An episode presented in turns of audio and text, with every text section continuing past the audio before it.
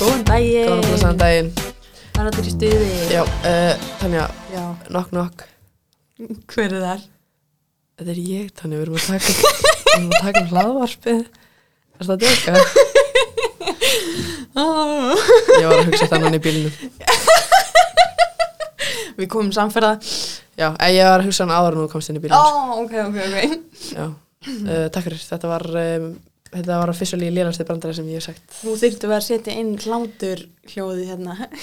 Já, Sem eða, er bara ekki fólk, lengur. eða bara fólk að gráta Bara, guð minn góður Hvað hefur komið fyrir hann ástrós Jæja. Herru, við erum mættaringað í uh, kompuna Já, Góð bestu heldur betur. Eh, Maður er í það- skvittnu stuði. Já, þú veist að koma starfsviðtali Já. uh, Það er alltaf skrítið að fara í starfsviðtal Já. og maður er pínu eitthvað svona eins og maður sé búin að drekka tíu bolla kaffi eða eitthvað. Já, að því að líka þess að mikið verið að setja mann svona on the spot, sko. Heldur betur. Þetta er bara eins mikið on the spot og getið verið. Já. Og svo er maður að koma niður, ég man þegar ég var búin í samrænduprófunum, síðustu samrænduprófunum sem ég tók Já. og ég var síðust út Já. og ég bara var að skrifa eitthvað og svo bara þegar ég lappaði út þá fekk ég bara svona spennufall sem er bara eins og þannig mér í núna Já. eiginlega. Já, ég veit nákvæmlega hvað ég tala um. og Eh, já. svona langa bara eitthvað að segja eitthvað ruggl Ó, þegar ég er í Og- spennumfalli þá fæ ég svona, mér líður þess að sé einhver svona að smyrja mig á brauð. Eða svona, mér líður sem að langi bara svona að það leka niður, skilju. Já, ég er ekki svo leiðis, Nei, ekki ok. fyrst allavega All right. Uh, það er ekkert spes við þér.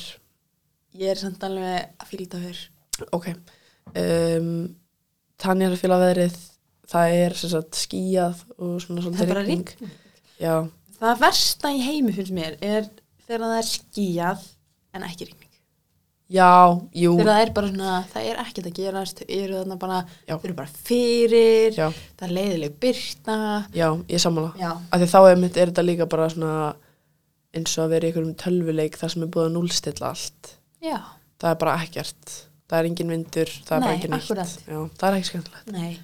En við erum komin að ringa til að ræða hitt þetta. Já, við ætlum að uh, vera aðeins óformlegri en vanlega og bara svona þetta aftur í, að því að við vorum alveg stundum eitthvað svona að taka eitthvað svona taka eitthvað róleg, eða rólegri eða bara svona ó, ó, Óskipulagt. óskipulagt, já uh, við, erum- það er alltaf held ég holt fyrir okkur tværa að okkur í að vera smá óskipulagt Já.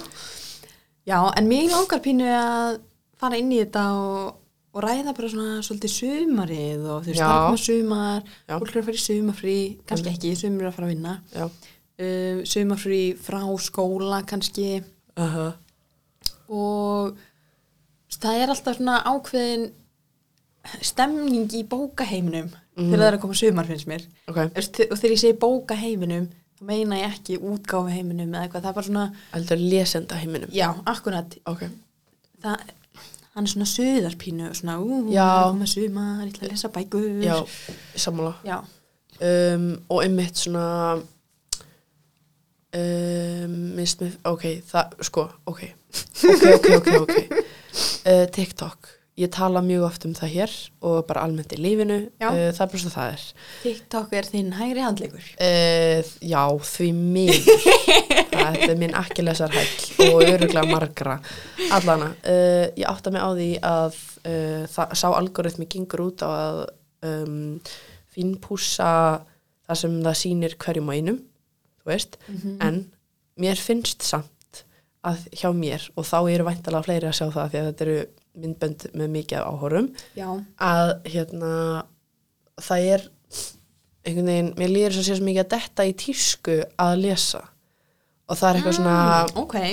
það er eitthvað svona uh, og fólk er mjög mikið að svona romantisera það, eitthvað svona fara á kaffehús og sitja og lesa uh, og þú veist það, það er kannski ekkert verið að lesa einhver einhverjar að há bókmyndir skilju þetta er Já. bara whatever en eins og, eins og ég hef marg oft sagt mér er alveg sem okkar fólk lesa og meðan það les Já, um, en já þannig að þetta er svona þetta er orðið svolítið og eitthvað svona vera alltaf með bók í taupókanum sínum eða Ég fæ alveg svona velíðunar tilfinningu þegar þú segir þetta. Já, ok, ok, ok, er þetta svona, er er þetta bók ASMR? Þú- Þú tekur bókina upp úr bókanum, pantar þér lati. Það er bara eitthvað svo heilnæmt við það að vera með bók í töskunni Já. og taka hana upp í staðan fyrir síman þinn Já, til að býða einhvers þar. það er það. Ok, herru, tala um þetta. Ég átti, herru, vá, þetta þetta er geggja segvei. Ok, Yfir í það sem ég ætla að svona að segja, ok, sem sagt. Ég fór í bíó í gær. Já, Ég skal segja ykkur varst að lesa í bíónu. Já, alveg 150 brúst Hérna, nei, sem sagt sko, málið er að síminn er bilaður Já, eins og þú veist akkurat. uh, þannig að ég sitt hann í bíónu og það kemur hlið og ég horfði í kringum mig og þú veist, ég satt svona frekar aftalega þannig ég svona, þú veist, maður alltaf sér yfir kjölduna, eða skilja maður Já, sér yfir já, það já. svæði hjá fólki og maður snýr þannig að maður sér þú veist, byrtuna úr skjánum Akkurat. skilju Já, og ég horfði í kringa mig og ég fekk allt í einu bara eitthvað svona bara eitthvað svona, oh my god, mér leiði svo að vera svona kviknað í eða eitthvað svona mér finnst- mér fannst ég þurfa að hlaupa út já, af því ég fekk bara eitthvað svona oh my god, það er allir eitthvað svona að hor- eða þú veist, ok, þetta, er- þetta er fárálegt af því þetta er svona, þetta segir sér svo sjálft og þetta er svo mikið svona eitthvað oh my god, ég átti trúarlega upp, upp eitthvað svona að eitthvað en þú veist, af því að ég var að horfa á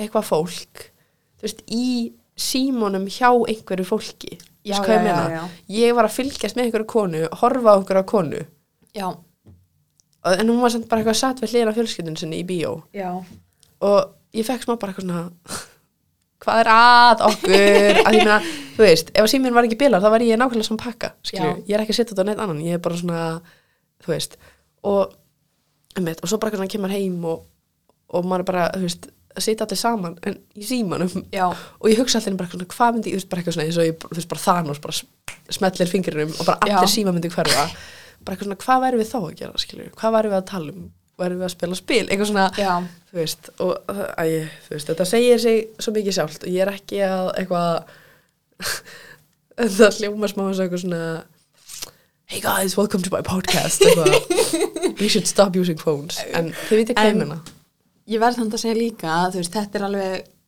þú veist, bara staðrind. Mhm. Fólk er alltaf í símanum. Mm. já, En eins og ég áður en ég átti síma, þessum að snjálsíma, já, þá var ég alltaf bara með bók. já, og það er bara nákvæmlega sama ég er bara búin að opna eitthvað hérna og fara inn í einhvern annan heim og bara ég er ekki á svæðinu já, en samt sko máli er að um, þú lest bók og þú velur bók út frá því að þið langi til þess að annarkvort samsama þig persónni eða upplifa eitthvað nýtt eða eitthvað en þú veist, já, sí, að því að samfélagsmiðlar er svo mikið eitthvað svona þú ert að bera þig saman við aðra Já. eða, þú- og þú veist, það er svo oft, það er svo stutt í þetta ó, vá, hún er á tenni ekki ég. já, en ég meinti aðalega svona félagslega séð Já, ok, ok, þú veist ok að, að s- það er ekki bara símar sem að loka mann af eitthvað svona Já, félagslega nei. í hóp Já, Þú veist, ég hef alveg verið manneskjan sem situr á göngunum middel tíma og er bara, ég ætla bara að já, lesa nei, bara ég líka sko, mamma mam mín þurfti að banna mér að taka bækur mér í skólafæralög nei. ég var sákrakki sko uh, sem ég er alveg þakklátt fyrir skilju en þú veist uh, en já, nei já ég, ég er sammála því sko en ennum mitt, þú veist, þetta er svona að ég veit það ekki, þetta er bara þú veist, og ég mitt eitthvað svona að því að mitt síminu er núna búin að vera bílar alveg í nokkra daga þannig að ég þarf, þú veist, ég, nú, þú veist að því ég finna núna bara hvað ég var orðin háð símanum mínum já, ef ég seti einhver staðar þá veist, ég er alltaf að kveikja á honum Erst, og sko að því máli er, hann er hann sem sagt uh, hann virkar, ég bara get ekki notað, veist, ég get ekki verið það er ekki sími lengur nei, veist, ég get ekki hringt að senda sms Já. og ég get ekki notað 4G, en ef ég tengis neti þá get ég notað hann, já, skilurðu. já, Eh, þannig að ég er oft bara svona sem sitt og svo er ég alltaf eitthvað svona opna hann og fara inn á Instagram og bara eitthvað, oh my god, nei, jók, ég get ekki að leggja frá mér og þetta er svona, þetta er bara ósjálfrátt ah, og ég er bara, oh my god, og mér líður svolítið eins og þetta sé svona eins og þegar fólk heldur á síkaretupakka og svona slærði í borð, skilju veistu, bara eitthvað svona, þetta er eitthvað sálrænt eitthvað, já Ah. gott fyrir þig, sant já, þetta þetta ekki bara fínt? jú, og svo fyndi líka, sko, að því að svo er ég líka ekki búin að drekka neitt koffín alla vikuna heyrðu, er það bara að ganga? Já, ertu ekki stolt af Jú, mér? vá, Ok, vel gert Já, takk, ég er, ég er líka frekar stolt af mér sko, það er samt bara Hvernig líður þér? Sko, ok, mér langar nefnilega líka að ræða þetta uh, Ok, býtu, ok Það er svo margt Ég ætla að fyrst að segja frá því sem Já. ég var að segja þér á Já. það að, Í þessari bíóferði í gerkvöldi Já, þar sem að bíóferðin. ég uppgötaði tilgang lífsins Akkurat. Þá var ég sem sagt á nýju Top Gun myndinni og mér langaði bara að segja að hvað hún er ógeðslega skemmtileg uh, og ég mæli ekki mikið með henni Þegar ég sá fyrst trailerin þá var ég bara "Heh, ég ætla aldrei að horfa á þessa mynd oh my god, þetta er bara eitthvað svona Hollywood reboot, eitthvað Já. ke- kjaftaði skilju uh, þetta er bara, ég hef ekki verið jafn spennt, eða svona hvað segir maður, á borð nei, hérna, sætis brúninni alveg bara allan tíman og Ok, ég var alveg ok, svona ok. herpt í þetta líkamunum að því ég var svo stressuð að því að þú veist það er svona ákveð verkefni sem þau eiga að leysa skilju Já. og þau eru eitthvað svona alla myndina að æfa sig fyrir það og svo gera þau það og það er bara eitthvað "Wah." en hérna Ok, ok, þannig að þetta er spennu trillir Já, og sko að því að líka ég er almennt ekki mikið fyrir spennumyndir Já. en þessi var mjög vel gerð Ok, ok hún held mér við efni allan tíman og bara eitthvað svona þú veist, og svo skemmir ekki fyrir að þú veist, það er mjög mikið af myndarlegum leikurum í henni uh, ég verð að viðkynna það er svona eiginlega aðstæðan fyrir ég fór á hana svo var hún bara ekki góð skilju uh, og líka bara því að litlu brámi vildi sjá hana Já, En aðdala, ég, mér langaði bara að mæla með henni fyrir þau ykkar sem eru ekki viss hvort þið vilja sjá hana já, já, já að þá er hún góð uh, allana Við ættum að hafa svona listin og lífið bíóferð já, oh my god, það var ekki ekki skemmtilegt Það verður mjög skemmtilegt já, ég til ég, en það er samt bannað að tala í bíó Já, þið vitið það, krakkar það er einhver sem talar í bíó já, var það dökka hérna, já, ú koff, ég er hérna bað út höndum ég er svona, ég er að reyna að vekja sjálf mig sko, Já, hérna koffínleysi, ok, Já. sko málið er að einhverstað fyrir að, drekja, að, veist, að ég er hægt að drekka koffín er Já. bara að því að það var ekkert til heima hjá mér þannig að ég mæti í vinnuna bara næri dauða en lífi og hugsa bara jæja, látum á það reyna og eins og Tanja veit að þá var ég í alvörunni að sko, ég var að deyja ég var bara ég var að fá bara svona bara svona, mér leiði sem vera andsetin já bara, ég, ég var alveg fann að hugsa hvort þú myndir ekki bara skrið upp í hillu og, já, og bara látast Já, bara í alvörinni, mér leiði svo litlum kakalakka uh, Og ég var, þegar ég var að fara hana, þegar þú veist að fara að vinna áfram og ég var að fara, Já. þá sagði ég, nú ætla ég niður að kaupa mér kollab og þú bara, nei, Ástrós, þú getur þetta og ég var bara eitthvað svona, ó, ég vil ekki valda tönni vonbröðum Nei, ég gerði það ekki, ég fór heim og það er nefnilega sko að því að það er svo fyndi að þegar við vorum í vinnunni, þá var ég svolítið bara, ég var svona þreytt og eitthvað Já. svo kem ég heim og fæ bara versta hausverk lífs míns mér leiði alvörinni eins og ég verið með höfuðáverka eftir bílslis og Oj, oj, oj, oj, oj þetta var bara svona, þetta var svona oh, bara yfir allan Sko, Ó, nei. hausinn og bara, oh my god mér leiði svo illa og svo var eitthvað svona, eitthvað svona að ég tek bara inn verketöflur eins og hausverk og svo er bara eitthvað, nei, eitthvað þú ert í detox ég var að fylla það af einhverju öðru í staðin skilju, Vist, eftir á higgjar ég núna bara svona, akkur ég gerði það ekki bara skilju en allan, ég var eitthvað að reyna Þannig að annars þrauka. myndir ekki læra þína leksi Nei, nákvæmlega uh, Og hérna Þannig ég eitthvað svona er eitthvað að reyna að þrauka og reyna að gera eitthvað og svo bara get ég ekki þetta, ég bara ligg bara vorkina sjálfur mér yfir einhverju fáránlegu dæmi uh, og svo hérna tek ég nap Já. sopnaði svona klukktíma reið alveg tölvöld betur eftir það Ok, um, og svo fór ég sem sagt í leikus og það er að næsta sem að Mig langar já að ræða. Þú varst á svolítið spennandi sýningu Já, shit maður, mér líður svo að segwayin mín er bara í dag. Það er hérna, koffinleysið já, herðu þetta er bara allar taugabröðnar sem eru að tengjast aftur og eru Já. að lengjast og tegja úr sér Ég held það hérna, uh, já, ég sem sagt fór í leikhús þennan sama dag á sýningu sem að heitir Room 41 eða, þú veist, herbergi 4.1 um, þetta er bara í alvörunni klikkaðasta sýning sem ég hef farið á Ok, ég er bara, segðu mér meira af því að þarna var ég líka á sætisbrúninni allan tíman Ok, bara í bókstala, þú veist, ég bara þú veist, ég var bara, þú veist, bara hérna sko. og þetta er eitthvað innflutt verk eða hvað? Ég, sko, þú veist, sá sem að gera þetta er íslenskur, en Já. hann byrjaði þetta held ég Erlendis Ég skil. hann er búsettur í Kaupmannahöfn Mm uh, hann sem heitir sér satt Kristján Ingimarsson Ok. uh, hann gerði einu svona sýningu á Íslandi sem að hétt Blam sem að frænka mín segir að hafi verið alveg, þú veist bara hún segir ennþá hugsa um hana og það Ok. var sko þú veist, 2000 og eitthvað mjög lítið, já, þú veist, Já. ég veit ekki kannski 2008 eða eitthvað, allana hérna um, fyrir þau ykkar sem að, nei, byrju nei það er hægt að sína þetta, ok, senast að síningi var ekki hverskvöldi þannig að ég þarf ekki að setja höskulda viðvörun Nei. uh, ekki nema þessi að fara að sjá þetta ekki starf erlendis eitthvað í dagi en hérna, já, svo sett þetta er alveg klikku sýning að því að það eru í alverni svona þrýr eða fjórir fjórðuvekkir, Ok. sko hvað ég menna Já. sem sagt, sko ég ætla að reyna að útskýra þetta uh, þið, þú veist, ef þið vitið eitthvað um þetta þá vitið þið örglega að það er herbergi á sviðinu sem að snýst í heilan ring Mm varst þú búin að sjá það? Nei, þú ert búin að segja mér. Já, ok. Hefur, ertu múin að sjá eitthvað um þetta? Nei, Nei, ekki ok, neitt. þú veist ekki neitt, ok. Eða þú veist um þetta. þú veist ekki neitt þannig. Hérna, já, og það er sem sagt Room for One. Já.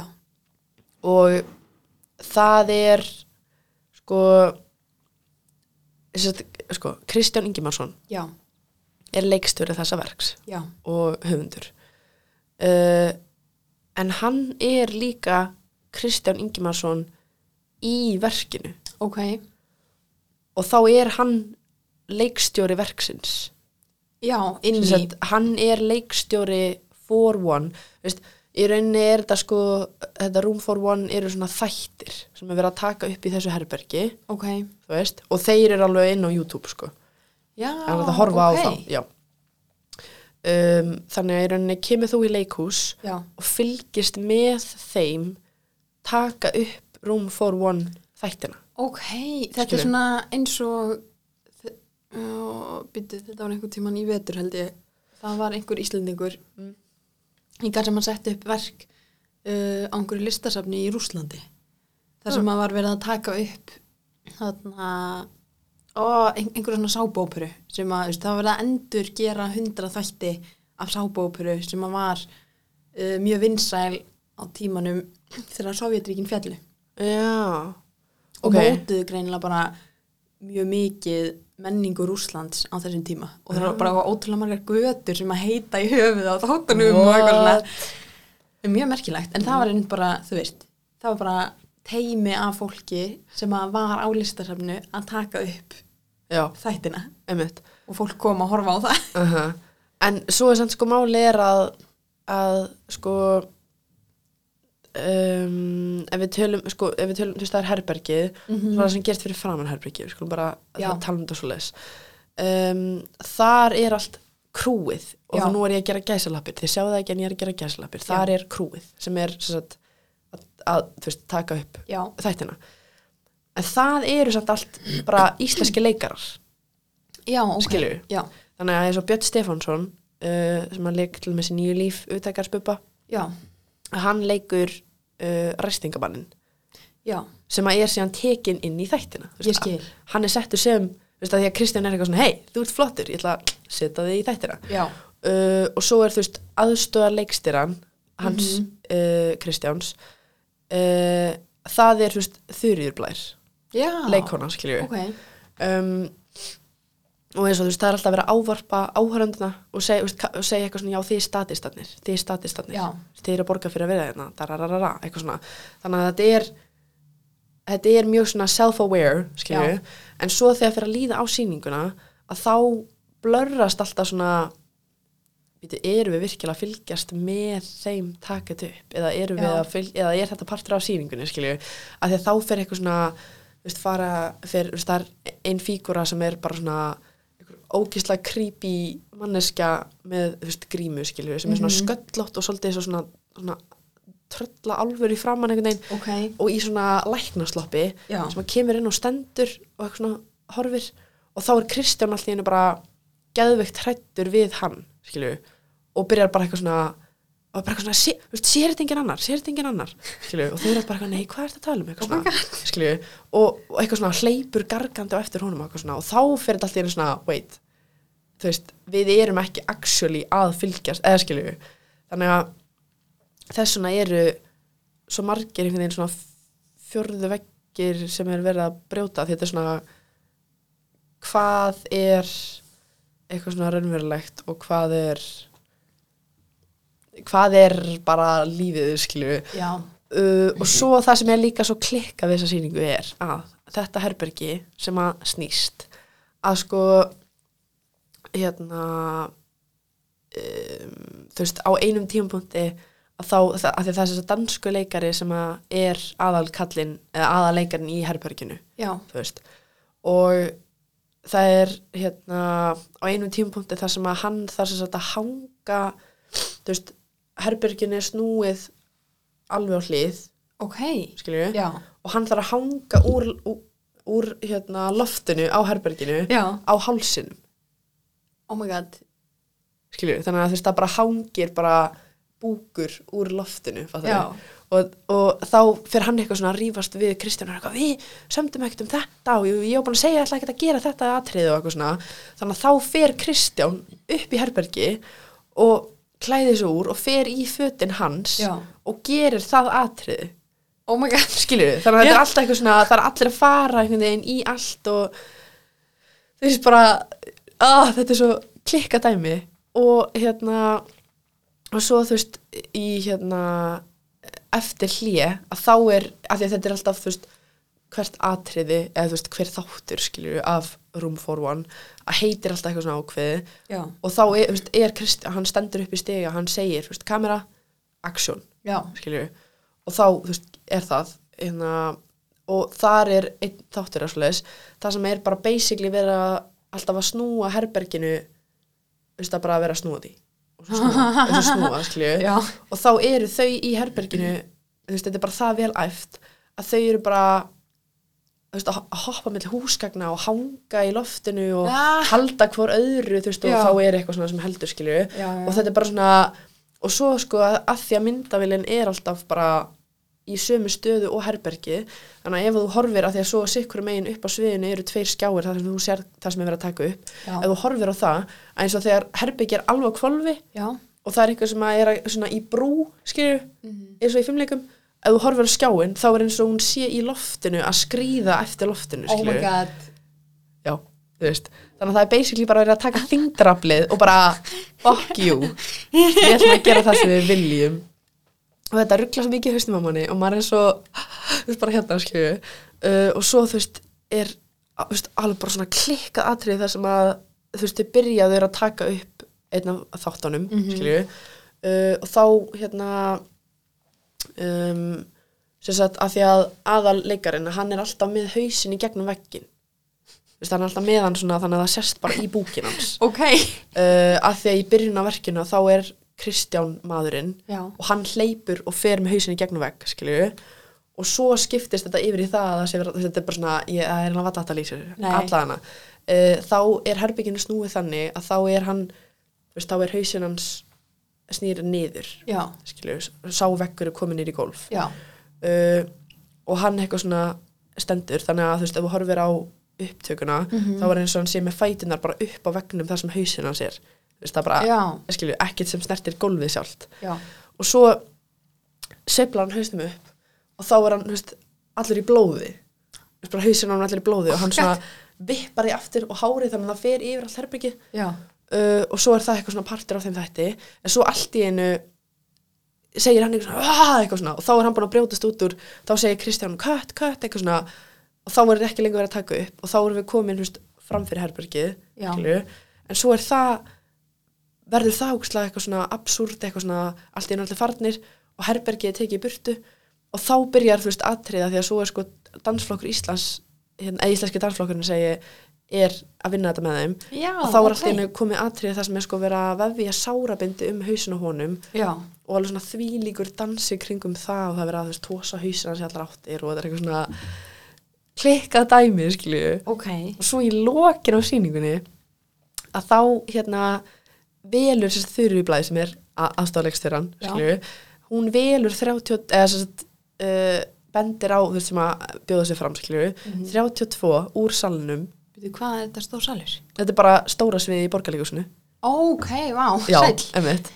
uh, og, hérna, og þau kom, kom upp á svið og svo vefja þau sárabindum hausin á sér já, Þú veist, bara út frá svona kynningar, eða svona kennsluminnbandi já, skilju uh, og svo raða þau sér sem sagt, uh, þú veist, hérna snúningssviðið, eða sem sagt, þú veist, snúningspallurinn á sviðinu aha, raða sér upp rétt fyrir innan línuna á því í svona eins og hálfmána þess aha, og svo, þá er búið að sko koma herberginu fyrir á svona ég veit ekki hvað myndi kalla það, þú veist að það er runni það eru stálbitar úr herberginu sem eru fastir á miðjun á sviðinu aha, þannig að þú veist að sviðismenninir sem sagt, byrja að labba með það og labba með það í ringi þannig að þetta er svona eins og klukka skilju ok, og þá er opið sikkur megin þannig að þú veist bara fólk úr salnum er bara með sárabindum hausinn og svo st- stendur það og svo er bara herbergið alltaf að fara og myndavillin þannig að maður sér þau alltaf svona að ranna í gegnum herbergið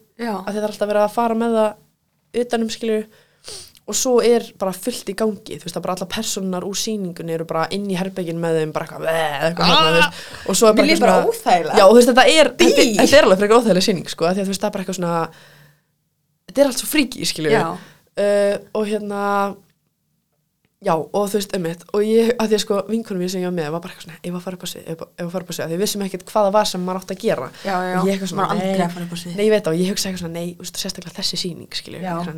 og núna er ég bara mjög fegin af því að ég hefði verið bara hrætt já, þetta var bara skeri uh, þannig að já þetta er bara þetta er bara klikka dæmi og þú veist já, og svo er líka eitt atrið það sem er verið sko að færa herbergið bara út um allt á sviðinu og þá er þetta bara svo kóri á grafja þannig að ef þú horfir á skjáin þá er alltaf þú veist nýr og nýr að koma inn og þetta er svona dansatrið þú veist það er bara svona lag í gangi sem er gegn eitthvað svona du-du-du-du-du-du-du-du-du-du-du, eitthvað svona. og svo er bara þú veist bara verið að framkvæma einhverja skurðaðgerð fyrir aftan þú veist, Oj. aðal kallið sem er að dansa og það er bara blóðut um allt og þú veist já, oi, oi, oi, oi, oi, þannig að Já. þitt leikár hefur endað mjög vel. alveg stórkostlega vel Af því að nú eru bara síningar árin að klárast, er það ekki? e, jú, Í öllum leikúsunum. ég held það Það er að koma sumafrí. Já, Þetta hljómar eins og uh, bombu endir Já. á árinu hjá þeim bara og þér. svo mikið sko og ég er svo fein að ég fór og bara, þú veist, það eru svona sýningar sem maður er bara sitt með þær, mér langar að koma að einhverju svona listaverki eða þú veist Já. bara, þetta er bara klikkað dæmi. Já.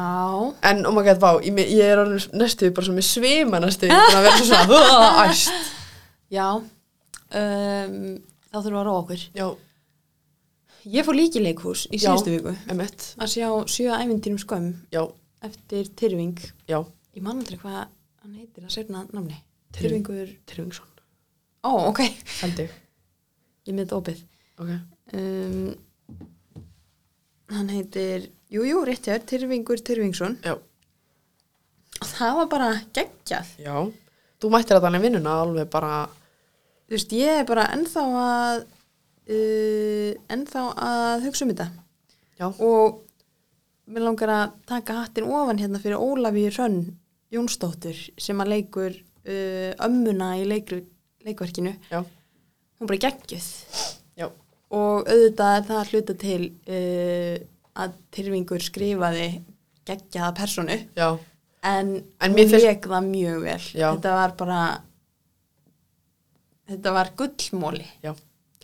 Mér finnst alltaf þegar ég sé hana í leikhúsi að hún klikkar aldrei. já, Ólafía. já hún var meira þess að hún var tvö hlutverk í leikritinu og Já. þau voru bæði bara ógæðslega fyndin Uh -huh.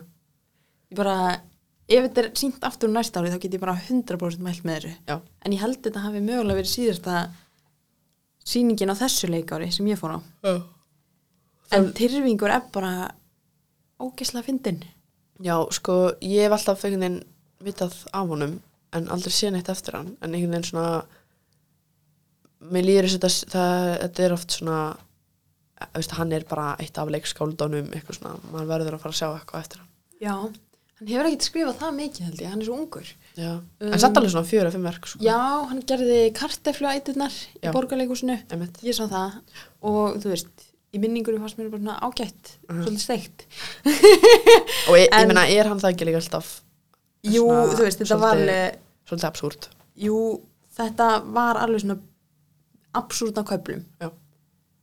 en samt á sama tíma ótrúlega jarðbundið að einhvern hátt já það þarf alltaf til þess að við upp á móti sko Já, Svo en maður sé ekki þetta, alveg bara, týndur. þetta var fullkomin blanda af nýttni og fyndni og absúrdleika og jarðbindingu og mannleika bara, já, þú veist, bara það var ótrúlega Mhm. mannlegt eitthvað og ég sá hún er sínd næsta haust, ok, næs nice. þannig að það er ennþá hægt að næla sér miða. Já, Room for One var bara svona, það voru bara einhverjar fimm eða sex síningar Já, sko. það var næstu eins og svona pop-up Já, alveg, alveg svolítið sko. Já. Og það átt að sína þetta sko 2020 uh, og þá held ég Já. að hafa verið alveg bara hæ- allt annar leikarhópur sko. Já, ok, Uh, en hérna, en út af svolítið, þá gerðist það ekki. já, Uh, en svo er hann vist líka, en það Kristján Ingimarsson eða, eða þú veist eins og það heitir Kristján Ingimarsson Company ok, eh. hópur. já, uh, þau eru vist að setja upp núna einhverja sýningu út í köpun held ég uh, sem að tekur svolítið á einhverju svona upplifunina því að verða úlingsstarpa já, og ég er búin að sjá einhverja svona myndir Ok. af hérna einhverju svona leik, leikonunum með sko veist, að það er einhvern veginn búið að setja fullt af einhverju drastli á tennunar og það er svona munni svona hnífapör og brefaklemar eitthvað svona að því að þú veist Oh my það er verið að- það er verið að reyna svona að íkja upp einhvern veginn svona tilfinninguna af því að vera með spangir já, og ég hugsaði bara, oh my god, vá að því ég horfði á myndnar, ég hugsaði bara svona, þetta er tilfinningin já, mann ég- líður eins og maður sé bara með fokkin gaffal í andlitinu skilur bara í alvegni hefur þú verið með spangir?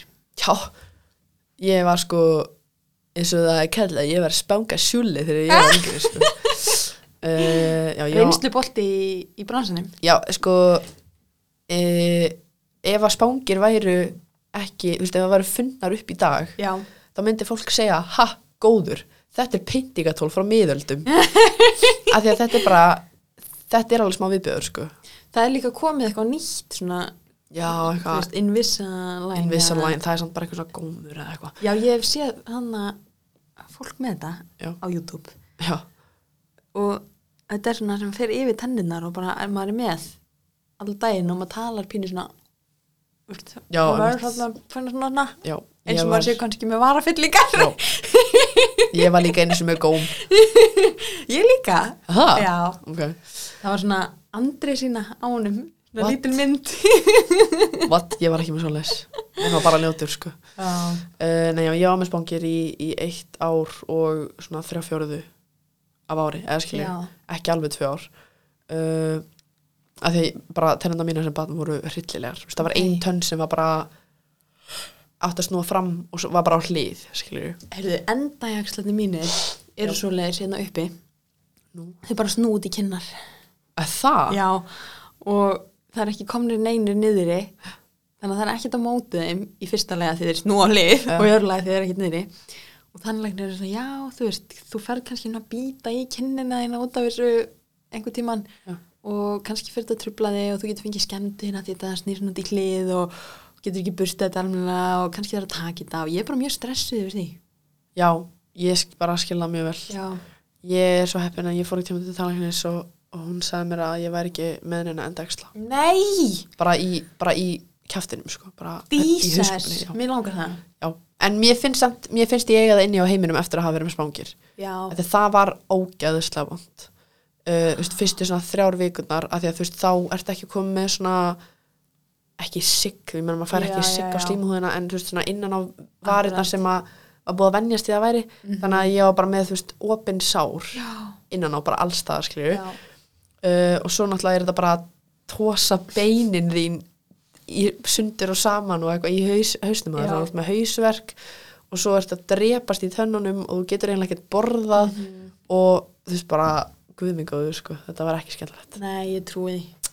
en ég er mjög fegin af því að núna er ég allan að mínum átti með bara freka næst tennur sko. Já. uh, þar voru ekki ódýrar hvorki í peningum nýja sásöka en uh, ég held að sé fínt að takast á við eitthvað svona þegar maður er smá krakki Já, Eh, bara eitthvað svona skilja það eftir í fortíðinni já, eh, af því að svo mun ég vera með þessa tennur vonandi uh, þangað til ég degi allt með tennur er bara ógislagt Já, uh, ég, Þú veist. ég dáist að fólki sem læri talheilin. já, Ég er mjög feina að, að það sé einhver sem vakna á mótnan og hugsar. Þú vil langa mig að laga tennun í dag af því að vá hvað ég tengi ekki. ekki. Eh, ekki það að mér finnist tennur per se ógislegar en svona allt svona í kringum þær, þú veist Já, Á- ég veit ekki, ég Já nei, það er, var mjög klíkjötn það er enginn sem hlakkar til þess að fara til talheilins. nei, Held ekki ég. nema maður viti að það þarf ekki að gera Nei, mitt. en En, maður er bara að fara í skoðun og svona er 99% vissum um að það sé alltaf góð já, en það eru fæstir. Þannig er að, það? já, um, nei, ég meina þú veist, það fer enginn inn og hugsar, ég er 99% vissum um að það sé ekkert að. jú, ég er það alltaf Er það? já, Ég hugsa alltaf, það er örugglega- það er örugglega bara, ég er örugglega að fara að missa alltaf tennar. uh, Eh, kannski er það bara því ég er svo vönði að það er alltaf allt í lagi Já, Þú Það veist, er svo sem þannig að- séð, það- ef, ég ef meina- það er eitthvað að þá panta ég sér tíma skilur Já. það er aldrei eitthvað sem að kemur upp sem að kemur á óvart já, ok, reyndar. Já, málega er líka þegar ég fer í svona árlega hreinsun og þá að því að ég var hjá tannréttinga í tannrétt, tannréttingum tannréttinga fræðingi tannréttinga lækni, Tannrétti? Tann, tannréttinga manni allan að að þá hérna, það var alltaf svo, svona invasive skilur Já, ég skil þig. þú veist, og veistu líka, veistu hvernig uh, hæ Tanja, veistu hvernig spángir eru teknar af fólki sko, mitt besta gisk Mm. er að það sé klift á výrana á milli Uh, nei, nei, þær eru bara k, k, k þú veist það er bara þú veist það er bara tekin já, er bara lím undir eða Já. eitthvað svoleiðis já, já. þannig að það er bara tekin töng Já. og þetta er bara brotið af já, og veistu hvað það er vond ég get ímyndað og veistu mér hvað það er ógíslegt hljóð í haustum og þú veist þetta er bara, þetta er eins og einhvers að brjóta úr tennuna sko, þetta er Já. viðbjöður Ég get alveg ímyndað mér það af því að ég er með postulínstönn og þegar ég fekk hana þá þurfti ég fyrst að fá svona bráðabyrðatönn utan á að meðan það var verið að gera postulínstönna Já. og þú veist það er búið að pússa alvöru tönna mína niður og líma bráðabyrðatönna á já, og svo þurfti að rífa hana úr já, ugh. Sitt, ég, bara, ég var bara hrætt, ég bara er ég að fara þú veist, Já. eiðilegjast í smettinu uh -huh. mann er líðið þannig sko Já ok, en nóg um tannréttingar, Brúður, jésús veistu- kristur Herðu, nú finnst mér að vættum að tala um uh, svolítið sem að ég setti í stóri hjá okkur í Herri, já, morgun, já, já, já, já. Þú sem eru sumarbækurnar. Já, Ég spurði fólk bara hvort að það væri búið að ákveða hvað ætlaði að lesa í sumar já, og eins og staðinni núna þá eru 67% þeirra sem svöruðu búin að ákveða Ok, hvað er nice. ætlaði að lesa í sumar Nice. og 33% ekki. næs. uh, eins og þið sjáuð á myndinni ef að þið sjáuð myndina þá er minn bunki ansi stór Já. og hann bara byrtist óvart Ok, þú veist, ég ætlaði ekki að gera þetta nei, sko, ok, ég er náttúrulega, I've got questions. ok, ok Uh, þú veist, eins og til dæmis On Writing eftir Stephen King, já, hvenær fórst að sækja þetta? heyrðu, það er svona tveir mánuðir síðan Ó, ok, þegar ég stundum held ég að ég veit allt um þig, en svo veit ég ekki allt um þig, skilju. Um, ég var bara svo hissa að því að, já, að því þú veist, ég menna einhvern veginn. Já, ég veit það ekki, ég veit ekki. Uh, en svo voru líka fleiri bækur hana, að því ég líka, ég sá að það var eitthvað öðru bóksáni heldur en í Mosó. Og ég var bara, vá, ok, tra traitor. ég skilði, ég skilði um, Að Ehm, því ég var bara með þá ímynd af þér, að þú værir ekki með neinar bækur í láni nema, þú veist, einhverja eina bók af bóksáni í Mosó, skilju. já, úf, þetta gerðist þannig að þú veist, eins og Stephen King bókin og bókin sem er undir henni sem að heitir uh, Ehm, eitthvað of style ég sé ekki alveg, eftir Stephen ég held ég að þetta ekki mynda þessu sem ég geti zoomað inn á en ég sé hana bara á Instagram, hún hvarf úr Ó, tókst hana bara inn í Instagram appinu? Já, Já. er ekki hægt að finna eitthvað svona Ég held ekki, sko. albums, Instagram, nei, ok. Það er bara svo leis, ég bara heldur sér hérna niður og reyna að fara yfir þetta. Þetta er einhverja svona fjóra bækur um skrif Ok. um, og ég mæli mjög mikið með tveimur aðeim sem ég er búin að lesa en ætla að lesa aftur áður en ég skilnaði. Steal Like an Artist og Keep Going eftir sama höfund Ok. sem er bara svona mjög litlir mólar um það að lifa uh, skapandi lífi Já, hvað höfundur? hann heitir Austin Kleon Ok, og hann er líka með mjög skemmtilegt fréttabref á föstudöfum fyrir þá sem að eru fyrir það ok, næs. þar sem hann er bara eitthvað svona tíu hlutir sem að mér langar að deila með ykkur í þessari viku Í kvöld ætla ég að fá mér uh, gimle, uh, Basel Gimlet og uh, en þar fann ég til dæmis uh, Dracula Daily sem ég deildi já, líka gott sem var stöf, mjög skemmtilegt gott stöf.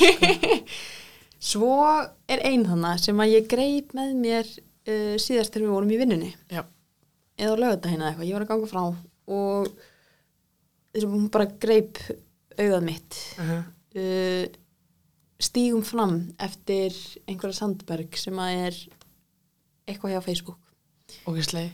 Já, og það er svona þú veist, það er ekki skálsa það er svona um ég held hún sé að hvetja sérstaklega konur til að stíga fram í atvinnlífinu og leitast eftir ábyrðarstöðum og svona, þú veist, Já. ég vil fá ábyrð Ok, uh, Ég- en ég já, er ekki já. byrjuð að lesa hana ég, þannig kann, að, ég kannast eitthvað við þetta sko.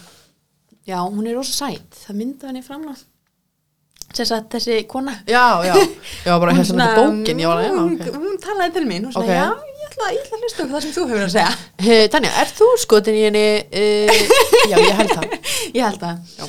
Um, svo er ein hérna sem ég fekk frá þér. High Fidelity. Já, já, Um, hún er í þessum búka. já, Um, uh, tunglbókinars dags hjartarsonar já. er þarna að því ég er ekki ennþá búin með hana. Ok. Hún einhvern veginn fór í pásu. Og svo er bunki af bókum sem að ég týndi úr hillunum á meðan við vorum að þrýfa þær. Já, sem er stór hættulegu leikur. Stór hættulegt. Þar á meðal er All My Mothers eftir Joanna Glenn. Þessi með ferskjörnum framan á. Akkurat. Já, Uh, ég var enda búin að sjá hana í Eymundsson áður en ég fann hana á bókarsamni. herri, já, Og leist bara vel á kápuna. Þú stundum grípa kápuna mann bara. já, Ég veit ekkert um hvað hann er. nei, Um, svo er hérna japansk glæpasa sem heitir Næturvaktin. já. Ekki, ekki Georg Björn Þræsson. Ha? Þetta er ekki, Nei. paldi ef að einhver bensínstöðvar komedía frá Íslandi væri byggð á japanskri sakamálsum. Bara, er einhver drepin í þáttunum? Nei, nei, því var bara sleft. Já, en það var uh, samstarfskona okkar sem mælti með henni. Já, og ég man ekki hvort ég var búin að tala um það einhver tíman að ég las aðra japanska glæpasögu fyrir stuttu jú, þú talaði um það. já, hinn grunaði herra engs Já, ég um, held mér þess að bara í sérsta þetta að þú hefur talað um það. já það getur verið svo er hérna Vonarbarn eftir Marian Fredriksson Já. sænskur höfundur Vá, ok, kannastu nafnið á henni. hún skrifaði Símona Eigunar Já, og já, já, já, já. Marja Magdalena, Anna Hanna Jóhanna Já. hún er mikið í nöfnunum Já, ég hefði það. ekki, ekki okkar nöfnum samt. nei, en ég hef lesið sko uh, Símona Eigunar dyrkað hana, Já. dyrkaði hana ég myndi kannski, jú, kannski það er alveg svona sumarbók, en ef ég ætti að mæla með ástíma, þá myndi ég frekar segja haust Ok, ég nefnilega sko, fyrst þegar ég byrjaði að vinna á bóksánu, þá voru fyrstu tvær bækunar sem þú meldi með fyrir mig, voru Caritasson titils og Simon Eikunar. Caritas er sumarbók, Já, 100%. 100% Já, en ég hef ekki ennþá að lesa Simon Eikunar. nei, þú átt það inni Já. Hún sann um, san til heima hjá mér. já, er það? Já, ég fann henni sem upp á lofti og ég var bara eitthvað, mamma, átt þú þessa bók? Hún bara, já, og ég var bara, what the hell? ok, Æ.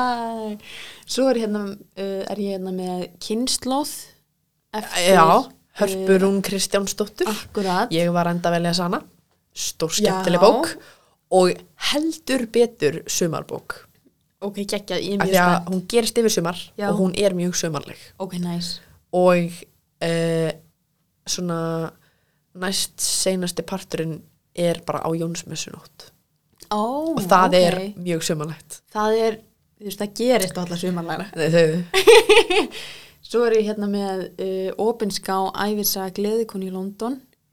Já, herrubi, ég kannast eitthvað þetta Já, hún er alveg fræg. okay.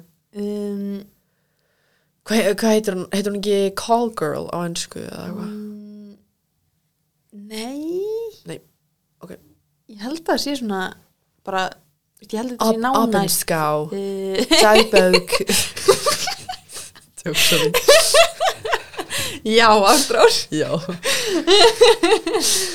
Svo er ég með stúlka kona annað sem að þú hefur lesið þetta Já, ekki. Mhm. eftir Bernadine Evaristo sem að fekk búkarvelunin fyrir þessa bók og ég las hana og mér finnst hún frábær. Já, geggjað. Ég las hana reyndra önsku en ég, þú veist þannig ég veit ekkert um þýðinguna. Já. Um, svo er ég með eina þeirna sem ég veit ekkert. Ég sé ekki teita mín. Ok. Og og Bjartar sömarnætur. Getur það verið? Ég sé ekki titlinn á því heldur en þú rétti mér hana. Bjartar sumanætur. Eftir Maeve Binsey? Já, hann sem gerist ekki starf okkur grískin eigu eða eitthvað. Já. Já, ég rétti þér hana því ég hugsa eitthvað svona, ég sá bara grísk eiga og þá hugsa Já, alltaf já, mamma já, já. mía Mm. og mér finnst það svo sumanægt. Þannig ég eitthvað svona, hei, þú ættir að lesa þetta. Já. Og svo er síðasta bókin Vegur vindsins. Já, hann eftir, Ásu? já, hann Jakobs Já. vegurinn eða hvað sem það heitir. Þannig að þetta er uh, minn bókalisti og ég er svo, svo er ég búin að lesa tvær af þessum lista. Næs. Uh, ráðgátan Henry Pick, Já, mjög sumarlega og næs bók, Ok, mæli með, ok. létt og skemmtileg, góð, góð í fríð. ok. Og svo The Seven Husbands of Evelyn Hugo sem ég dyrkaði. Já, þú hlustar á Hlustaði á hana, já, já. á Audible. Já, sko, þetta er svona eina af þessum svona bara rótföstu TikTok bókum, sko. Já, er það? Hún er Það er alveg, að koma Netflix mynd. já, einmitt. Og þetta er alveg svona TikTok bókin. Ok, ég næstu vissi því, það sko. ekki. ég vissi Nei, það ok, ekki. en hún er svolítið hannig, sko. Uh, og einmitt, ég og sýstum mín keftum hana saman ykkur tímann, ég hafði það eftir að lesa hana. En ég þarf að gera það. Já, ég mæli ógeðslega mikið með henni. Já, Bara, hún er bæði, bæði er sagan bara mjög grípandi og áhugaverð. En, veistu, að því hún er svona, þetta er eiginlega tvöföld saga, af því að þetta fjallar um blaðakonu eða, þú veist, konu sem vinnur hjá tímariti eða eitthvað svo leiðis, sem að fær það verkefni að segja æfisögu kvikmyndastjörnu sem er orðin, þú veist, 80 og eitthvað gömul já, þannig að maður er bæði að fylgjast með blaðakonni og svo er maður að fara í gegnum líf kvikmyndarstjörninar já. Og er þetta ekki mitt smá byggt á henni, hérna, oh my god, hvað heitir hún? Dökkarða, ég veit ekki, leikona, ég veit það en ég veit það ekki sant Taylor, nei, Elizabeth Taylor.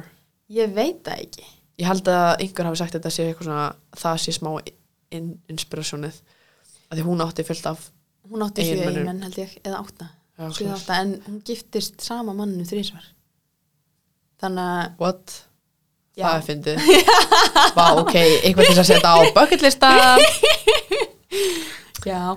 en bara það var ótrúlega spennandi og áhugavert þó að maður vitu þetta ekkert hvernig raunveruleikin er Já. í þessum heimi að uh, gæjast á bakvið tjöldin í Hollywood heiminum Já, og bara hvað allt er ótrúlega uppstilt og bara ekki alvöru já, veistu hvað er búið að vera að gefa mér þá upplifin? Eða svona, gefst á baki tjöldin sem er ógist að astalagt. Hérna, Bojack Horseman. Ég held ég að alveg að tala um þá hérna í þáttunum áður. Uh, en að því að það er um svona, svona washed up, miðaldra gæja sem að lék í svona sitcom, svona in, Ok. the, in the 90s. og er núna orðin bara svona alkohólsti og bara, hann er bara vondmanneskja ok, og það fjallar gett mikið um bara eitthvað svona hvað Hollywood er klikkað og hvað er allt Já. eitthvað svona uppstilt og eins og þú veist besti vinur hans er bara eitthvað svona að ég er smá bara eitthvað svona hann er svo fallegis og hann er eiginlega ekki að gera neitt í lífinu þannig eins og þú veist á einu tímpunkti er hann fenginn til þess að leika kærasta þú veist fræra leikonu já, til þess að hún lukki meira svona down to earth af því hún, eitthvað svona, hún eigi kærasta sem er ekki þekktur eitthvað já svona og þú veist, æ, já, þetta er allt bara eitthvað að gegja steikt já, en hérna góða þættir já uh, svo, já, hvað ætlaðu að segja Já og þarna það er líka uh, farið pínu inn á þú veist, í gegnum sögu konar sem er að skrifa þetta já, að bara, þú veist sjálfsöryggi og að þóra byggðum hluti já, og bara, þú veist, standa á sínu sem að var mjög ég, ég upplifið það sem mjög jákvæða umfjöllun um það að því að í stundum les maður eitthvað svona og bara eitthvað, "Ugh", þú veist, já, það er verið að tróða einhverju hérna upp á mig og já, það er verið að skrifa þetta bara til þess að hafa þetta eitthvað svona, uh -huh. að ég veit ekki hvað maður segir svona eins og barnabækur, já, það er bara, það er verið að mata mig hérna Já. ég upplifði það ekki í þessu ok, nice. Sko það er, eins og ég er búin að segja, þér, ég hlustaði eins og ná, ég er kannski svona hálnuð með aðra bók eftir sama höfund og þessi bók, Já. hérna, sem sagt, höfundurinn heitir Taylor Jenkins Reid og hún skrifaði líka bók sem heitir uh, Daisy, Daisy Jones and the Six já, og það er svolítið svona flýt út makk saga, eða þú veist, þetta er hljómsveit og það er eitthvað svona eh, drama innan hljómsveitarinnar og s- það leiti til darararara og eitthvað svona og bókin er sem sagt að það er verið að taka viðtöl við fólki úr hljómsveitinni já og koma já. staði hvað það var sem gerðist skilju. og hljóðbókin er þú veist að það er það er eitt sem les fyrir hverja personu skilju Mhm. uh, og það er verið að gera annarkvort þætti eða mynd eftir þeirri bók líka ok, vá. og það er alveg bara fræja leikar að leika í því sko bara gengur vel hjá Taylor Já, og svo er hún líka að skrifa eitthvað bók sem heitir Malibu Rising og það Já. er líka margir ánað með hana sko ok, þannig að, já, bara you go girls sko. já, bara geggjað já. Uh, veistu hvað ég er að lesa núna? hvað er þetta að lesa? Bara að byrja að lesa segðu mér og einlega sem á fáralegt að ég sé hann tvítug og búið með tvö ár af háskóla í bókundafræði Já. og ég er að lesa hana fyrst skipti núna Herðu, jú, ég sá það á gramminu hjá þér. Já, það eru vissilega hróki og hleypi dómar já, já, já, já. Pride and Prejudice eftir Jane Austen uh, af því að ég hugsaði bara að hinga á ekki lengra ég get ekki tekið þátt í ykkur Mr. Darcy bröndurum og bara hafandi ekki lesið bókina og ég er búin með þú veist 15 blassir eða eitthvað já. kom mjög stutt en vá, ég sko sé hvað ég er pepp ok að því líka eftir að Bridgerton ég bara seldi sálun mína og horfði á Bridgerton fyrsta serían, umuleg önnu serían, oh my god ég gæti hort á hana að eilífi ég elska þau tvö svo mikið og þegar ég byrja að lesa núna þessa Pride and Prejudice sem er bara eitthvað svona eitt merkasta bók eða veist, eitt, ein merkasta bók sögunar skilju, hugsaði bara eitthvað svona "Bíddu, þetta er svona svo Bridgerton eitthvað svona, það er eitthvað að vera að halda svona balls og eitthvað svona já, hann dansaði hana tvísvar og eitthvað svona darara og ég var bara, oh my god þetta er ástæða fyrir því að þú veist, Bridgerton er svona vinsalt þegar Já. ég meina að Jane Austen er ennþá bara lesin sjúklega mikið já Mhm. þú veist, og þetta er allt bara sampakkin skilju, þannig að algjörlega ég er mjög spennt að halda frá Pældi að vera samt, þú veist, ég veit að hún er ekki upplifað það núna, en þú veist, hún skrifar einhverja bækur og, Jane Austen, já, já, og svo erum við bara ennþá að lesa þær lungu, lungu, lungu setna og það er alltaf verið að gera bíómyndir eftir þessu og bara Jesus Christ, skilur já, já, við, þetta er bara rosalegt, já en er þetta samt ekki líka smá drömmurinn? kannski. að bara að hérna listin þín lifið þig Jú, ég held það sko en samt líka mitt áhugavert bara eitthvað svona af hverju er þetta ennþá svona vinsælt að því að þú veist Já. þetta er bara eitthvað svona Þú veist, af hverju þetta en ekki eitthvað annað? já líka bara því þú veist eins og í dag eru konum bara eitthvað svona að ég elska að kjósa skilju þú veist en samt erum við alltaf að horfa á myndir þar sem að bara eitthvað svona feður eru bara að selja dætur sínar líka við ykkur hjónabönd til þess að fá peningin á heimilið og eitthvað og bara eitthvað svona af hverju finnst okkur og þá er þetta mitt líka eitthvað svona oh my god, chivalry is dead og eitthvað svona en þessar myndir voru samt gerðar þú veist, 90 og eitthvað skilja eða 2000 og eitthvað þannig Já. að væntanlega er þetta ekki þú veist, væntanlega er þetta ekki að fara að vera ógeðslegir eins og þeir kannski voru eða við skoðum Já, ég skil hvað minna. Þetta er ekki kannski, þetta er ekki mjög raunsæ mynd af samfélaginu sem heild. nei, emitt, Þetta er lítið brot af samfélaginu já og auðvitað bara eins og með allar bækur og bara öll bókmentaverk og þætti og kveikmyndir og allt. Já. Þetta eru börn síns tíma. Já, ég ætla að segja líka, þú veist, þegar ég skrifa og þegar þú skrifar, við erum ekkert endilega, eða ég veit ekki með þig, allavega mig, ég er ekkert endilega að pæla í því, er þetta svona núna? Þú veist, ég skrifa bara það sem ég langar að skrifa. Mm, já. Ég er ekkert að festa mig í því að eitthvað sé svona að hins einn endilega Já, ég held að ég er kannski aðeins meira til að eitthvað svona ofhugsa og eitthvað svona oh my god, er, ég- er þetta bara ég? Er þetta bara mín upplifun? Og eitthvað svona bóðla skilju, en ég ætti ekki að pæli uh, En já, ætti bara að fyndi að því þess að eitthvað svona þegar ég var að horfa á Mad Men og, og ég var alltaf að segja með pappa bara eitthvað "Ah, tískan var svo geggjuð og tónlistin var svo geggjuð og það var allt svo geggjað og mamma og pappi voru bara félagi, ef að þú hefði verið upp á þessum tíma, þá værir þú ekki þú veist, að horfa á Mad Men, eða skilju Já. þá værir þú bara einhvers staðar gift einhverjum ógeislegum kalli og bara eitthvað, eftir ok, þau segðu þetta ekki en ég, ég er að leggja þeim orðið mun Já. en þú veist hvað ég meina og bara eitthvað svona, hefðir ekki þessi réttindi og Já. pillan var ekki til og þú veist, þú væri bara screwed þú veist uh, Herðu, ég er akkurat að horfa á Downton Abbey ok, þar sem einn var að lenda í versinni óf Jesus Christ maður. Já ég hef ekki hort á Downton Abbey Æ, Ég fokkin elska Downton Abbey Ég held Það ég- er uppáldi mitt Já, ég held nefnilega að ég muni fíla það það er gett skrítið að segja eftir ég hafi hort á Bridgerton en málið er bara að ég hef alltaf átt smá erfitt með svona period drama Ég skil þig af því að mér finnst alltaf svona ég hugsa alltaf eitthvað svona, þetta er ekki raunverulegt Já. það myndi ekki vera glimmir á þessum kjól glimmir var ekki til á þessum tíma, eitthvað svona en svo þarf ég líka bara aðeins að chilla skilju, lefa mér að njóta uh, Ég hef ekki tekið eftir glimmir á kjólunum í Downton Abbey Nei, sko. það er líka, það er ótrúlega velgerðið þættir uh, En já Ég bara, og líka bara eins og í Brittirtón, eitthvað svona ef að kona og karl fara ein saman út í garð þá bara, alveg sama hvað gerðist þá verður hún að giftast honum af því að hann er bara búin að eyðilegja mannurðið hennar Ó, Þetta er bara bóstala þannig, sko ok uh, Og það er basically ástæð fyrir að parið hann að giftist í fyrstu sörjunni Ég veit ekki hvað það Nei, ok, æ Fyrsta sér er umlega, Ok. bara we don't talk about it sko.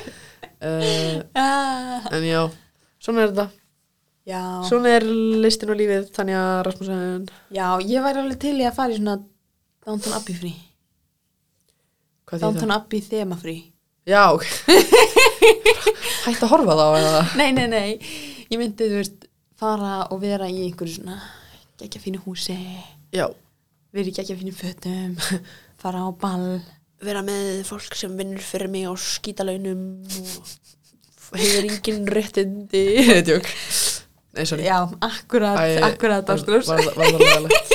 Nei Ég finnst það líka bara svo fyndið eitthvað svona að maður er að horfa á þetta og bara eitthvað svona, ekki fyndið, bara sorglegt Já, uh, og bara eitthvað svona, bara því þú fæðist í ykkur fjölskyldu þá annarkvort mátt þú sita í fína kjónleginum Mhm. og drekka kaffi já, eða bara þrýfa sængufjöld sem er búið að kóka í skilju og bara farið ekki neitt fyrir það og það er bara lífið þitt já Sko, það eru þetta fjallað um þetta í Downton Abbey líka Já, það er, ég hef náttúrulega ekki það hort á er mjög það, sko. stór hluti af sögulinu held ég bara strax í fyrstu seríunni Já, mér finnst það bara oh, vatna smá enn í Bridgerton að það er einnig bara verið að fjalla um fína fólkið Ó, ok, þetta er alveg svona ég myndi segja 60-40 Já, ok 60% Átti I know that já, mögulega bara 50-50 ég veit það ekki, Eh, Já, ok Þú veist, þetta er svona það eru margar sögulínur í gangi Þú Já. veist, þetta er það er mjög erfitt til dæmis að segja já, þetta er aðalpersonan Já, já, líka þetta er svona fjölskyldu saga já, Já, já cool Já. Uh, Ég er að tjekka á þessu þú þarft að tekka á þessu Kannski næst er ég meitinga þá er bara Tanya, I've been watching Downton Abbey Me- Meitinga með svona parasol og, og svona og tíka fáum okkur luncheon Já Það er líka alltaf, það er líka alltaf oh my god, ég trú ekki að ég sé að tala svo mikið um breytið tónu ég ætla samt að halda áfram það er alltaf svona shall we go for a promenade og þá er það, þá er það bókstaflega að labba um já, já, já og svona vonast til þess að hún rekist á þessu og þekkir og þetta er bara eitthvað svona svo koma þú veist og kannski eitthvað svona ef ég væri hérna það væri búið að svona introduce me into Já. society skilju að þá myndi ykkurir ungir menn koma og eitthvað svona shall we go for a promenade og þá er það bara eitthvað svona að lappa um saman og tala bara þannig að aðrir sjáu að þú sért að labba með erskilju já, já, já. þetta er svo, þetta er svo sjúkla yfirborskjönd Ástúrus, við gerum ekki nóg að þessu. nei, ángríns við þurfum að byrja að labba um mosin we're going for a promenade já, það Já, væri krakkar það, mínir. það væri skemmtilegt maður uh, Hvað er að frétta úr tónlistinni? herðu það er bara þegar stórti spurt skilur við Já. Herðu, það stærsta sem er náttúrulega að frétta er að Haraldur Harry Styles Já, Svíður Haraldur stíl Nei Þannig ekki hlæja Don't encourage me hérna, getur Har- ekki þessu gert. okay, Harry Styles Kóngurinn Já. Var að gefa nýja plötu Já, og þú fegst hana bara... Herðu, já, það er nú frásögu færandi, ha? Sko, uh, ég pantaði nýju plötuna á vínil í forsölu. Já, Það er alltaf svolítið riski af því að þú ert að borga sko 5-6 úrskall já, fyrir tónlist sem þú er aldrei heyrt. já. En ég er bara diggur aðdáðandi og ég hugsaði bara, já, ég ætti að gera þetta. Mm uh, en svo sko platan kemur út 20. mæ uh, 19. mæ fæ ég sms pöntunum þín er komin hún er tilbúin og ég var bara, wait is this a glitch in the matrix uh, og ég fyrir að sækja um plötuna og ég var alltaf eitthvað svona, ég var alltaf að býða eftir að einhver verið eitthvað, hei, það er ekkert á henni eða eitthvað svona, svona hei, hvað ertu að gera, þú mátt þetta ekki en svo bara fer ég heim og opna hana og ég bara eitthvað, þetta er bara platan Já. þetta er, þetta er bara tónlist en það er ekki búin að heyra þetta skilju. þannig að ég sest inn til mín Já. og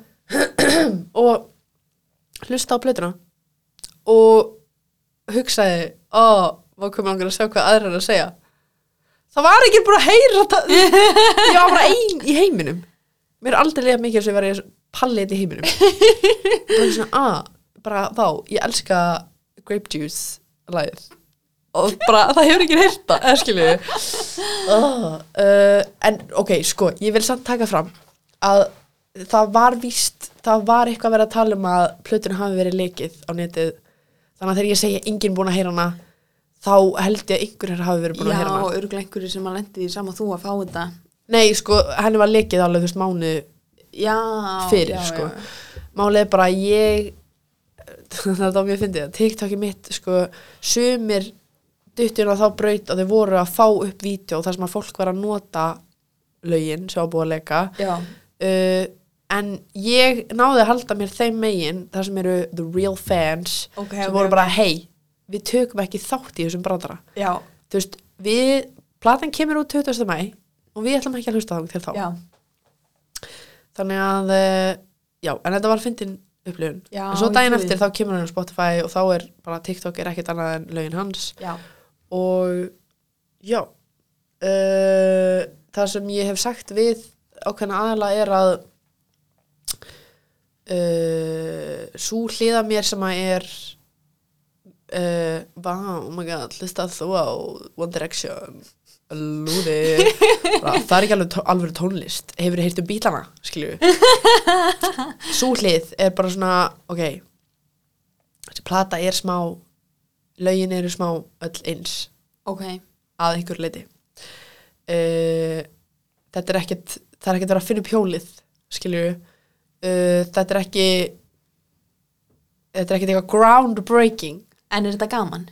en svo er hinn hliðin sem að er bara Astrós, nenniru skilju, það er parturinn sem að sagði hei, horfum bara á breytitón Já. hlustum bara á One Direction Hv- þú veist, það, það, það er enginn skilju Já. það er enginn að fara að vera eitthvað hei, þú ert ekki cool lengur Mhm. skilju, þannig að svo hlið dýrkar sem Ok, plötu Hlust, ok, ok. hlustar á hana mörgu sem að dag og er bara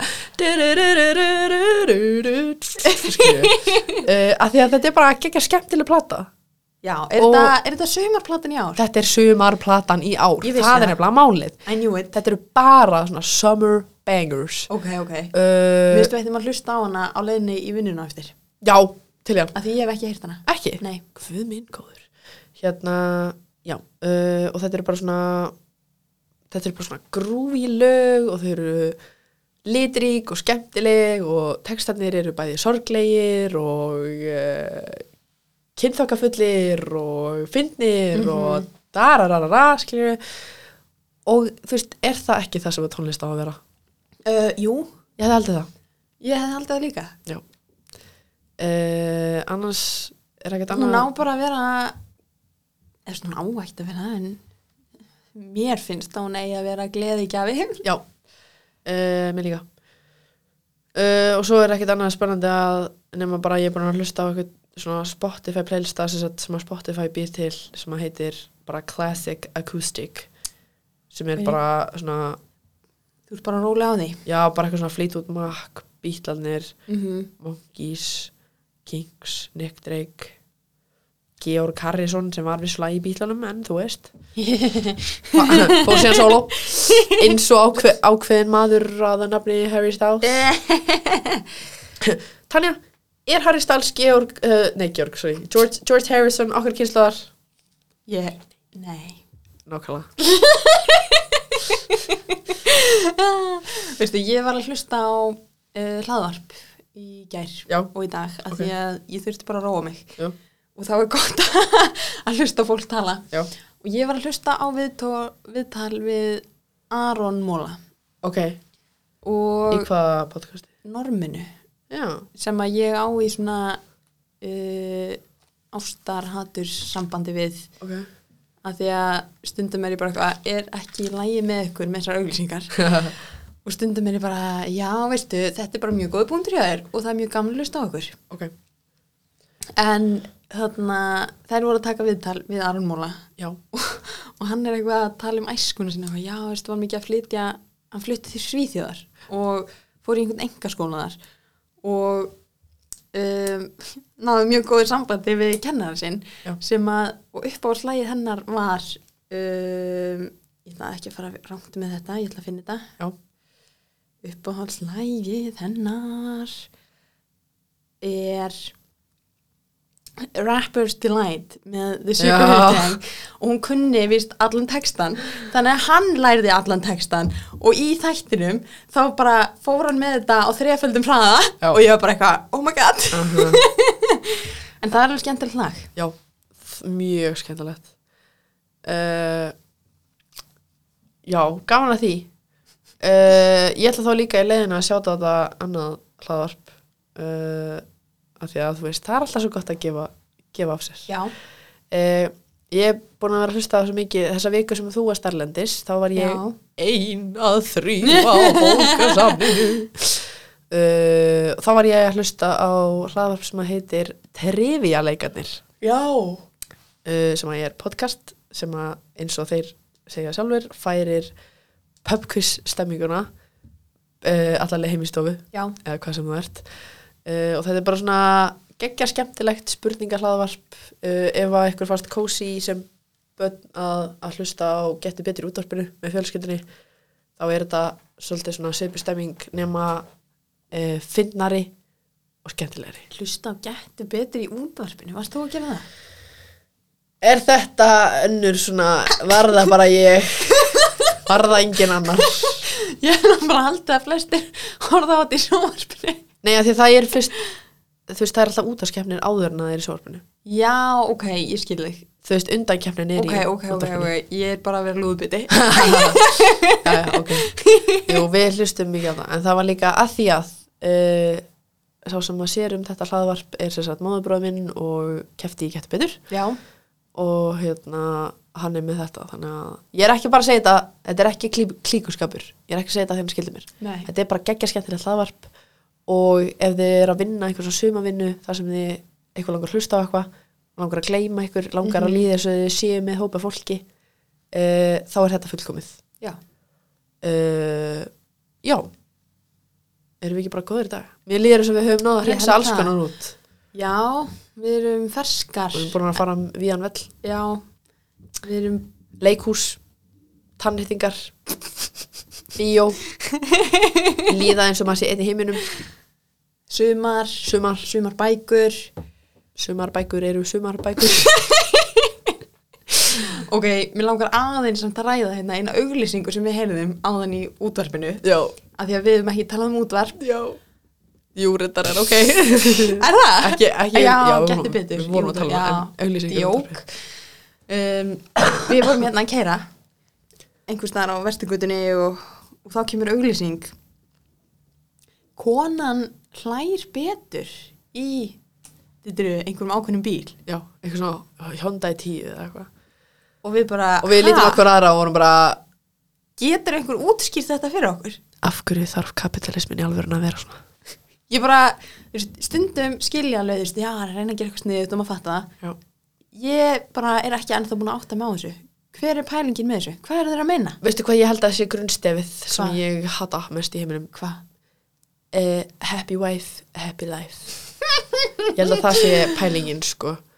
það er steiktasta hugmynd sem ég hef heyrt, Já, ég líka, bara í alvörunni já, að því að líka það... maður á bara að eh, gera sjálfa sér það mikið saman Nei, en líka því að það er eitthvað svona, eitthvað svona, hey, ef þú viðheldur the bare minimum, þá ertu góður.